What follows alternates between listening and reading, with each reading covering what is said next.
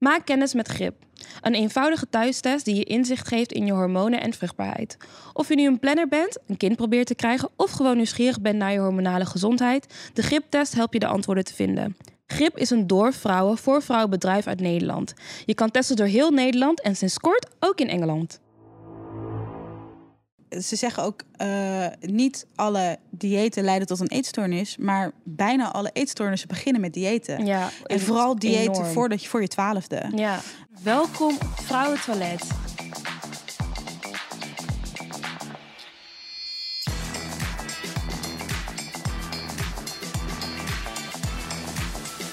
Yes, everyone ready? Stilte. Hi Marion. Hi, goedemiddag. Welkom op het Vrouwentoilet. Je hebt je 50 cent neergelegd en we zijn hier nu en we gaan het gesprek hier aan. En ik heb jou eigenlijk uitgenodigd omdat ik jou steeds vaker tegenkwam online. Zowel op Twitter als op, eh, op Instagram. eh, mijn bed uit, volgens mij. Klopt. En ehm, jij bent sinds kort iets heel tofs gaan doen. De stichting. Oh, ik, dacht zo, ik snapte de inleiding niet, sorry. Ja, de Eh, stichting. Nou, ik ben het, ik, het is niet dat ik het ben gaan doen. Nee, Eh, maar- we zijn met een clubje. Mhm. En eh, de, ja, de stichting is voor het eerst eigenlijk een echte campagne begonnen. Wat heel gaaf is. Ja. We hebben vorig jaar wat geld gekregen van Mama Cash. ja, oh, dat is heel Spark top. Fund. Ja. En daardoor kunnen we ja, een kleine campagne voeren dit jaar. Dat heet Dik bij de dokter. ja, En het gaat over eh, ja, de ervaringen eigenlijk van dikke mensen als ze naar de dokter gaan. En die zijn eh, toch heel vaak nog best wel negatief. ja. Eh, Het krijgt te maken met stigmatisering, discriminatie. En dat ze eigenlijk weg worden gestuurd onder het bom van... ga eerst maar afvallen en Ja. dan neem ik je serieus. Ja, want dat hoor ik best wel vaak. En ik heb het eigenlijk ook bij mijn moeder zelf meegemaakt. Dat het echt zo was- van... ja, maar oh, als u afvalt, dan, dan wordt het ge- gewrichtspijn minder. Dan wordt dit minder, wordt dat minder. En nu is mijn moeder best wel veel afgevallen. En is het opeens van... oh nee, maar het komt door het roken. Oh nee, maar het komt door dit. Ja. Dus het is eigenlijk een soort van hiërarchie van problemen. Maar dan is dik eigenlijk bovenaan. En pas als dit weg is, dan gaan we naar de rest kijken. Dus Ja. je wordt ook best wel snel weer weggestuurd. Terwijl er misschien dingen aan de hand zijn... die niet gerelateerd zijn aan dik zijn. Ja, zeker. Bij, met het project zijn we nu in eerste instantie verhalen aan het verzamelen van Mhm. mensen. Eh, ja, als ze dus inderdaad naar de dokter gaan. En dat, daar zitten echt verschrikkelijke dingen tussen. Ja, kan ik me heel goed Ehm, voorstellen. Weet je, oh, bijvoorbeeld mensen die dan pijn in hun pols hebben. eh, en dat de dokter zegt, ja, ga maar weg. eh, of ga maar afvallen en dan wordt het wel vanzelf wel beter. En dat Ja. blijkt dan RSI te zijn. Ja, Nou, RSI krijg je niet omdat je dik bent, maar omdat je je pols op een verkeerde manier beweegt. Ja. Dus, en dat zijn dan relatief onschuldige dingen, maar het is ook letterlijk dodelijk. Er zijn ja. ja, eh, en dat is in Nederland nog ken ik daar nog geen persoonlijk geen verhalen van, maar ik heb bijvoorbeeld wel in Amerika ook verhalen gelezen van mensen die dan naar de dokter gaan, die kunnen al maanden hebben ze last met slikken of eten, Eh, en dan gaan ze naar de dokter en dan zegt de dokter eigenlijk, nou ja, bij jou kan niet zoveel kwaad dat er niet zoveel naar binnen gaat. En dan blijken ze achteraf na heel veel twijfelen of ze toch nog wel een dok naar een dokter willen, ja. Eh, want dat zie je ook dat mensen de zorg gaan mijden en dat ze denken, nou ja, eh, het zal Dat is wel. heel erg vernederend eigenlijk om op die manier behandeld te worden. Terwijl zorg en, en toegang tot zorg is eigenlijk heel belangrijk. En Ja. als je dan op zo'n manier behandeld wordt, dan wil je er steeds minder naartoe. En ik merk dat bijvoorbeeld ook in alleen al vrouw zijn en naar de dokter gaan, word je ook al ja, vrouwen, keer minder serieus genomen met Zeker. de kwalen die je hebt. En vooral als het kwalen zijn die heel erg relateren aan vrouw zijn. Bijvoorbeeld menstruatiekwalen of Ja. iets dergelijks. Dat er gewoon minder serieus wordt genomen. En dan met dik zijn is eigenlijk een, een parallelle wereld in, in die zin. Precies. Nou ja, kijk, ik denk dat seksisme en, en, en dik zijn ook zeker met elkaar verweven zijn in de Ook gezondheidszorg. Enorm. Vrouwelijke patiënten worden inderdaad ook minder serieus genomen. Ehm, maar in het, in het voorbeeld wat ik net aanhaalde, eh, daar, daar overlijden gewoon mensen aan, omdat Ja. het dan slokdarmkanker of iets dergelijks Ja. blijft, blijkt te zijn. En dat wordt dan te laat ontdekt. Eh, eh, eh, ja, en dan is er gewoon geen remedie meer voor. En, Nee. en er zijn in Nederland ook ernstige voorbeelden dat iemand uiteindelijk naar de dokter ging met rugpijn, niet serieus genomen werd. En daar vijf jaar lang mee heeft rondgelopen. En dat bleek een tumor van 10 centimeter te zijn. En die is er met een dwarslesie uitgekomen. Ja. En dat gebeurt maar gewoon. Dus Ja. ja. het, het is een heel groot probleem. En we zijn nu aan het inventariseren ja, hoeveel verhalen er zijn. Waar wat, de knelpunten liggen. waar, hoe de artsen, eh, wat de artsen daaraan kunnen doen. En, Ja. en, maar ook wat nou ja, patiënt, oeh, patiënten daar zelf uh, aan zouden kunnen doen. Ja. En niet om de, uh, de schuld of de noodzaak bij de patiënt te leggen, maar wel om ze weerbaarder te maken. Ja. Um, dus we zijn bezig met het ontwikkelen van een soort ja, kaart met vragen en antwoorden heb ik erop. dat ook een beetje gezien al een beetje dat dat, Ja. in de works was. Klopt inderdaad. En dan, nou ja, dat zijn dan zinnetjes of eh, bijvoorbeeld dat je, dat je een gesprek ingaat en dat je, dat je bijvoorbeeld al van tevoren tegen de arts zegt: hey, eh, ik wil graag over het probleem hebben waar ik hier voor ben. Niet over mijn gewicht. Dus dat je op die manier al van tevoren een signaal aangeeft naar je dokter van laten we het alsjeblieft over het probleem hebben. Ja, Ehm, maar er, er, er is zo vaak ook dat, dat een arts maar een, een maagverkleining of iets dergelijks aanbeveelt. en het is, ja, er zitten heel veel risico's aan de maagverkleining. zeggen, ja, het is echt geen makkelijke operatie die je maar even zo doet. Nee, je hebt er je leven lang, eh, hou je er effect op. Je kan minder Ja. eten. Eh, Er zijn heel veel verschillende bijwerkingen. Heel veel, een groot percentage ook mensen die bijwerkingen en klachten ook langdurig houden. Ja, Het is ook volgens mij een van de meest dodelijke operaties. Nou, dat is misschien iets gechargeerd, maar er is een relatief hoog in- sterftepercentage in die, zeg maar, in in die kader van maagverkleiding, gewichtsoperatie, et cetera. Ja, Ja, dus het is zeker niet zonder risico. En, het, en eigenlijk is het bijna een verdienmodel voor een heleboel artsen. Eh, en dat, dat vind ik heel kwalijk. eh, Dat, dat dan dus maagverkleiningen maar als de oplossing worden gegeven. Terwijl dat is iets waar je heel goed over na moet denken. En Ja. als je het doet, iedereen zijn eigen ding. En er zijn genoeg redenen die ik zou kunnen verzinnen waarom je het zou willen doen. Want het is echt niet makkelijk om dik te zijn in een samenleving. En zeker wanneer je boven maat 54, 56 komt. Ja. De, de stigmatisering waar je tegenaan loopt, de opmerkingen waar je het mee te maken krijgt. echt niet leuk. Is echt heel heftig. Ja. Dus ik kan me heel goed voorstellen dat mensen die overweging maken. Maar het, het, het wordt heel vaak gewoon heel luchtig gezegd van... oh, dan neem je toch een maagverkleining. Terwijl Ja. het is geen lichte Dat is niet iets wat we moeten normaliseren, zeg Nee, maar. zou ik liever niet echt willen zien, nee. En ik, ik snap ook heel goed wat je bedoelt met opmerkingen en, en, en inderdaad met een, met een grotere bovenmaat. Ehm, ik ging nog niet zo lang geleden, eigenlijk net toen de winkels weer een beetje open gingen, ging ik met mijn moeder winkelen. En ik merkte dat naarmate de dag verstreek, dat ze er steeds minder zin in had, omdat er gewoon niks was. Ja, Je kan niet normaal gewoon even winkelen. Weet Nee. je? Ze, ze, ze haalt er ook gewoon geen plezier uit. En het is ook niet leuk. En ze voelt zich gewoon, weet je, gewoon een sportlegging kopen of een, een, een, een sport BH Ja. kopen. Dat, dat, dat zit er gewoon niet in. En dus nu is soort van de tussenweg om met haar. Dat ik online dan dingetjes zoek in die maat. Omdat je dan wel meer toegang hebt tot, tot Ja. eh, plus size dan. ja lang leven het internet daarvoor. Ja, Ja, en dat je dan wel die toegang hebt. Maar dan eigenlijk is het bizar dat je niet gewoon leuk met, met je moeder kan gaan winkelen. Omdat zij dan dik is, weet je. En dan heb, is mijn moeder echt niet super dik. Dan heb ik het over eh 42, 44. Maar zoals daarin is het gewoon heel lastig. Weet Ja, dat is, een van, dat is volgens mij de meest gangbare maat. ja, Dus dat is een hele gangbare maat is eigenlijk. heel snel uitverkocht ook. Ja. Volgens mij is dat ook het probleem ja, inderdaad. zeker weten. Dus het is, niet, het is er wel, maar het is niet toegankelijk. Precies. Nou, en ik heb dan het privilege dat ik... Ja, dat, je hebt dan een range en, en dan val ik onder de... Volgens mij is het mid- mid-fat, medium fat. Ja, Ehm, dus dat ik in sommige winkels, maat 48 tot met 52, dat ik nog terecht kan. ja, Eh, maar als je inderdaad nou, maat 64 hebt bijvoorbeeld... ja. Sommige mensen moeten gewoon tailor-made hun kleding laten maken... omdat het gewoon in die mate niet beschikbaar Ja, is. Wat dan En- ook weer een hele dure grap is. Wat dan ook weer vertaalt naar Ja. eh, weet je, eh, armoede en daar armoedeonderscheid en, En dergelijke. Er is ook een hele grote correlatie tussen armoede en dik zijn. Enorm. Eh, dus dat moeten we ook zeker niet. Eh, dat, dat, je kan het geen oorzaak noemen, maar je ziet dat er een hele duidelijke correlatie is in wijken waar veel armoede heerst. Dat dus ook in die wijken mensen, veel meer mensen dik zijn. Ja, Eh, en dat heeft te maken met de toegang tot het eten. Eh, Ja. Dus dat je minder geld hebt voor verse groenten, verse producten. Dus ja, weet je, als je voor 3 euro eh, een doos hamburgers voor een hele week Dan kan halen, of, een, of, of twee broccoli's ja. waar je amper een avond van kan eten, ja, dan is de Plus- keuze snel gemaakt. Weet je, in, in die zin is groentes ook makkelijker te verteren. Dus je moet ook meer van eten om je sneller vol te voelen, et cetera, et cetera. En dat merkte ik bijvoorbeeld bij mij thuis ook heel erg. Dat, ehm, ik heb een tijdje met een bodybuilder gedate.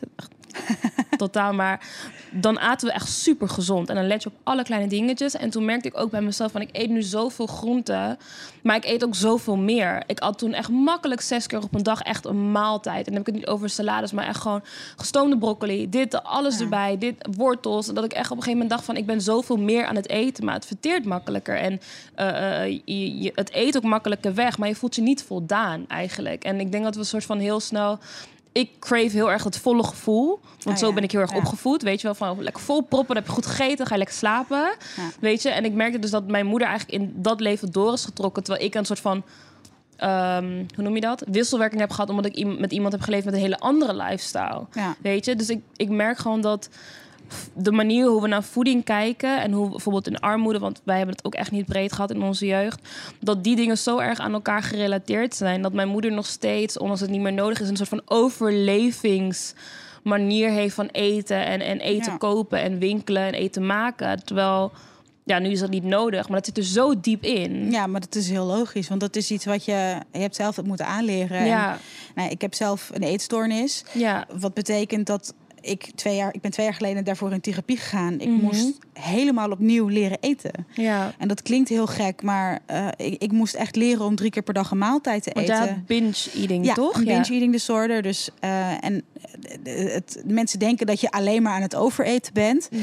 En dat is er zeker onderdeel van. Maar het, het, het gekke is eigenlijk dat, je, dat daar heel veel restrictie aan vooraf gaat. Net als bij Mm. anorexia of Ja. iets dergelijks. Alleen dat ga je compenseren door een binge, door een eetbui. Ja. Ehm, maar Dus ik heb, eerst heel weinig eten en dan volgens op een ander moment helemaal los te gaan ja, eigenlijk. precies. Mhm. Ja, en dat. Maar op het moment dat er sociale controle is, dus als er mensen bij zijn, dan eet je gewoon een normale portie of Ja. dan eet je heel weinig. En ja, ik heb heel vaak de opmerking, als ik, als ik een kwartje zou krijgen voor, voor iedere keer dat ik eh, de opmerking had gekregen eh, van, oh, maar je eet toch helemaal niet zoveel? Ja. Had ik waarschijnlijk ervan op vakantie gekund, want Ja. bij andere mensen at ik ook niet veel. Nee. Dus ehm, ja, het, het- het is heel complex. En je moet, ik moest echt helemaal opnieuw leren eten. En ook ehm, eten om gewoon jezelf te voeden. Ja. Gewoon nuttig eten eigenlijk. Ja. Ik weet nog dat ik in het begin een bakje yoghurt met aardbeien en muesli. Daar deed ik een uur over. Ja. En ik kreeg het niet weg en ik zat er kokhalzend aan. Terwijl Ja. het lag niet aan de smaak. Maar omdat ik mezelf moest forceren ja. te eten. Precies, ik moest zo vechten tegen die eetstoornis. En eh, ja, dat, dat was enorm lastig. En gelukkig is die relatie met eten ondertussen een stuk ja, want dat is verbeterd. best wel ingewikkeld. Want ik merk zelf ook dat ik, dat ik ook een hele gecompliceerde relatie heb. Ik denk dat bijna alle, alle vrouwen dan in, in het thema van vrouwentoilet... maar ik denk ook wel Ja. mannen anders. Maar in dit geval voor vrouwen... dat we sowieso al een hele gecompliceerde relatie hebben met eten. Omdat wij ons heel erg bewust zijn van het schoonheidsideaal... waar we naartoe Zeker. moeten leven. En welke factor eten daarin heeft. En dan heb ik het ook bijvoorbeeld over tijdschriften, media... ja, enorme impact heeft ja, dat. en een enorme impact. En ik, ik ben me op een gegeven moment zo Diëten. die dieetcultuur is een, heel, Ja. een hele nieuwe aflevering. Maar dan, dat zijn er misschien wel drie zelfs. Maar het zit er zo. Het zit er bij vrouwen echt met de paplepel in. Het wordt heel erg aange... Ik ben... Ik, ik weet nog, ik was zeven dat ik al tussen de, tussen de middag mijn eerste boterham, mijn lunchboterhammen weggooide. Omdat ik niet gezien wilde worden dat ik at. Omdat Ja. ik al, ik was al dik. Ja. Eh, kon ik op dat moment helemaal niks doen. Ik had een schildklierafwijking, wat ik helemaal niet wist. Mhm. Maar dan, je weet, ik, ik weet sinds groep 1 dat ik dik was en dat ik anders was dan Ja, je bent je heel erg bewust van je lichaam en wat je eet, hoe mensen, je eet. ja. Ik begon met, god, met tien jaar, Ja. tien, elf jaar met afvallen. ja. Terwijl ik was niet eens dik of iets dergelijks. Ik was gewoon, ik was gewoon typisch Surinaams. Gewoon volgezet, gevuld, weet toch? Nog een keer rotti erin. dus ik was gewoon, ja, gewoon lekker. Wij, wij zeggen in het Surinaams heel erg stampoe. Dus gewoon lekker gezet, zeg maar. Oh ja. Stevig. Maar ik was me daar zo bewust van. Ja. Dat ik me gewoon dik voelde. Terwijl Ja. ik het überhaupt niet was. En ik was gewoon een, een jong meisje met haar lichaam in ontwikkeling. ja, maar heeft dat, want kijk, ik ben wit, Mhm. ehm, maar ik kan me, ik, en dat is ook onwetendheid, dus correct me if I'm Nee, wrong. nee. Maar ik kan me voorstellen dat er voor jou ook nog een cultureel aspect aan zit. Ja, zeker. Het, is zeg maar, en dat is meestal met eh, Surinaamse of Caribische afkomst, een soort van. Het eerste wat ze vragen is: heb je gegeten? ja. Oh, wat ben je dun? En nu verander, is het wel een beetje veranderlijk, afge, zeg maar, ligt aan welke afkomst je hebt. Maar dan bij mij was het thuis heel erg van: heb je gegeten? Moet je eten? Heet toch, oh, je bent dun geworden? Heet toch, van wat heb je vandaag gegeten? Maar is daar schoonheidsideaal ook anders? Mm, ja, gevuld en vol. En bij ons komt ook een beetje wat nu heel erg trendy is. Dikke billen, volle Oh ja, borst. Dat komt ja. een beetje uit dat Caribische en, en, en, en zwarte gedeelte. Want het volle en, en het, het, het voluptueuze is eigenlijk het vruchtbare. Het moederlijke, Ja, het aantrekkelijke bij ons. Dus Ja. het was niet per se dat je echt vol moet zijn. Maar bij ons, in ieder geval in mijn thuisomgeving, mijn community, was dun ook niet, zeg maar, the way to go. Dus Nee. het, het ging altijd om eten. Het was altijd feestjes. Het gaat allemaal om eten, eten en dansen. Ah, ja. Dus voor mijn idee was er ook niks mis met mij Totdat ik meer media ging consumeren. Totdat ik meer, weet je, dan hebben we het over hives, Ja. party peeps. ik ben nu een soort van mijn leeftijd aan het verraden, maar hives en party hives, peeps. hoor, ja. weet je, en ik werd steeds meer blootgesteld aan eigenlijk de internationalisering. Dus jou- jouw wereldbeeld wordt groter. Het ging van mijn, mijn blokje eigenlijk naar in de Bijlmer naar opeens een hele wereld. En toen dacht ik opeens van, oh, maar deze beauty standard, dit ben ik niet. En, en, en ook videoclips en, Ja. en weet je, die posters in de hitkrant en de Ja. breakout en al die dingen. Dat, dat draag je zo erg met je mee. Dat internaliseer je Ja. zo erg dat ik begon echt met afvallen. En ik werd eerst vegetarisch. Toen stopte ik met alle, alle frisdrank, alle suiker, geen snoep. Terwijl uiteindelijk als ik erover nadenk, is het fucking bizar dat een meisje van 12 zich zo hyper, 11, 12 jaar, hyper bewust is van wat ze aan het eten is. Ja, maar er zijn ook zoveel voorbeelden van kinderen die op dieet worden gezet. Ja. Van- en ze zeggen ook, eh, niet alle diëten leiden tot een eetstoornis, maar bijna alle eetstoornissen beginnen met diëten. Ja, En vooral diëten enorm. voordat je voor je twaalfde. Ja, Eh, dus het is, het is iets wat echt wel risico met zich meebrengt. En je gaat jezelf ook als minderwaardig zien. ja zeker. En dat, dat is het allermoeilijkste, want het is zo'n visuele cirkel. Ja, Ehm, al die negatieve commentaren die je van mensen krijgt, voeden het idee dat je, eh, dat je niet goed genoeg bent, dat je niet mooi genoeg bent, dat je ja, niet genoeg bent. Eh, en dat voedt zo'n eetstoornis. Ik, ik beschrijf, omschrijf mijn eetstoornis als zo'n monstertje dat op mijn schouder ja zit. enorm. En allemaal negatieve dingen in je oor fluistert. En op een gegeven moment, ja, die, die blijft groeien. En die blijft groeien totdat het een soort aardbol is die op je Mhm. schouder rust. Alsof je atlas bent, zeg maar. Ja, En dat is een enorme last die je met je meedraagt. En op een gegeven moment, ik, ik moest twee jaar geleden, ik moest gewoon voor mezelf kiezen van of ik ga door en ik ga hier proberen vanaf te komen, of ik ga eraan onderdoor. ja, Ehm, en dat, ja, op een gegeven moment, ik moest wel, want eh, ja, ik kreeg zelfmoordgedachten, geen Ja. neigingen gelukkig nog, ja, maar ja, ik heb die ook inderdaad gehad, ja. steeds meer en steeds vaker dat ze terugkwamen. Dat is gewoon best wel. En zijn ook heel achtervolgend voor mijn idee. Van Ja. wat, wat ik dan heel erg had om het dan eh, over suïcidale gedachten te hebben, is dat het bij mij heel erg ging van, maar waar doe ik het voor? Ik kan nu ook gewoon het knopje omdoen en is het klaar. Ja, ik had heel erg, ik, ik, ik ken het ook wel. Ik had vooral heel erg dat ik dan had ik een eetbui gehad. En dan, dan lag ik vaak op bed onder de dekens en me verstoppen voor de Ja. wereld. Hmm. Ehm, en dat ik dan dacht, nou, als ik nu in slaap val, dan. En ik word niet meer wakker, dan is het ook wel oké of zo. Ja. En, en Ja. nooit, ik heb nooit het echt durven doen, gelukkig. Ja, niet, niet echt. uitplannen of whatever, maar wel Nee, dat je hebt wel- van, Ja, als het, als het voorbij is, is het ook oké. En ik denk dat dat eigenlijk misschien zelfs eh, in deze context dan van eten en dergelijke soms zelfs kwalijker is, omdat je het soort van je, je saboteert je eigenlijk een beetje jezelf heel erg. Want er is meer, maar je bent jezelf aan het overtuigen dat het niet meer hoeft of niet meer toe doet. Ja, nou, en ik heb dat, ik, ik heb dat wat voor, wat voor mij heel, wat, dat heeft mij echt gered, denk ik, is de, de, de, dat het door het dus te gaan zien als een soort monstertje. Ja. Dus door het enigszins maken. uit me, maar ook uit mezelf te plaatsen. Dus Mm. ja, het is, het is iets wat in mij zat. Maar het, het, het is ook een stoornis. Dus het is ook iets wat in mijn hersens of zo niet Ja, helemaal goed gaat. Een, een ziekte, een knik Dus- in de kabel ergens. ja. Precies. Dus ik heb wel de verantwoordelijkheid om ervoor te zorgen. eh, en om te zorgen dat het beter wordt. Maar ik ben er niet schuldig aan. Ja. Je hebt het niet En- zelf veroorzaakt. Het is niet jouw schuld dat het zo is. Het is eenmaal zo en je kan er wat mee doen. Precies. En dat, dat, dat verlichtte voor mij heel erg Ja. de last van mijn schouders. Omdat, nou wat je zegt, je bent jezelf aan het saboteren. En zo voelt het ook. Maar je, omdat je dus het idee dat je dat zelf aan het doen bent... word je heel boos op jezelf. Je raakt gefrustreerd met jezelf. En help je jezelf nog verder die put in. Ja. Ehm, en dat, nou ja, door dat dus een beetje, ja, soort van buiten mezelf te kunnen plaatsen...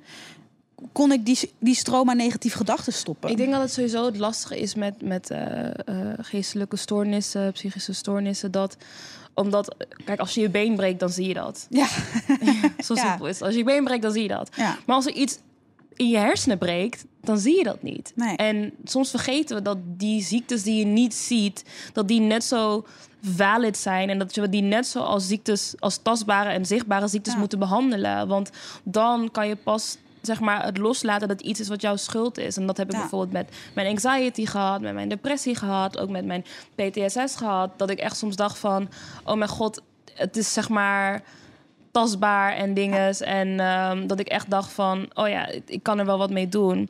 Ehm, als ik naar jouw Instagram kijk, dan zie ik heel veel body positivity. Ja. En ik ben een bitcher daarover. Want ik vind gewoon, ja, ik ga het gewoon zeggen zoals het is. Ja, nee. Ik vind gewoon dat heel veel van die, van, die, van die movement gekaapt is door mensen die eigenlijk heel erg goed in het traditionele eh, schoonheidsideaal dan passen. En een soort van, oh ja, maar ik heb stretch marks. Maar like, alsnog, Ja, ja. ik, nou, ik moet zeggen, ik, ik, ben, nou, ik ben twee jaar geleden met therapie begonnen. Ik ben ongeveer acht jaar geleden voor het eerst in aanraking gekomen met body positivity. Ook via social media. En eh, eigenlijk via modellen die plus size waren, die hele toffe kleren droegen. Ehm, en het, het is iets wat mij op een andere manier naar dikke lichamen heeft leren kijken. Ja. En door, door te zien van, hé, hey, als ik andere dikke mensen en vooral andere dikke vrouwen mooi kan vinden, Ja. waarom zou ik mezelf dan niet mooi kunnen vinden? En of het nou allemaal moet draaien, of je jezelf mooi vindt of niet, is weer een andere discussie. Maar het, he- het was voor mij echt een eerste stap naar acceptatie van mezelf. Ja.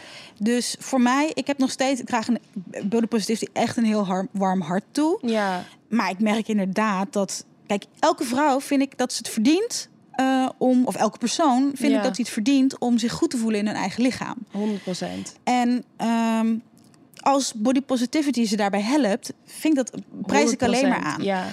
Ik, daarbij vind ik het belangrijk om te erkennen dat de ervaringen van dikke mensen, of de ervaringen van mensen met een handicap, of met Ja. een huidafwijking, of met nou ja, andere schoonheidsafwijkingen van ja, schoonheidsideaal, Precies. Eh, andere ervaringen hebben dan mensen die daar binnenvallen. En je ziet inderdaad binnen body positivity dat er heel veel posts voorbij gaan van, van meisjes of vrouwen. eh, die nou, waarschijnlijk maatje 38 hebben. Een, een, een, straight size, zeg maar. Ja. eh, om het op die manier aan te duiden. En dat ze dan twee verschillende poses aanhouden. Met de ene zie je dan een paar huidplooien. En met de andere zien ze er strak uit. En dat is dan ook body positivity. En dan denk ik, ja, oké, aan de ene kant...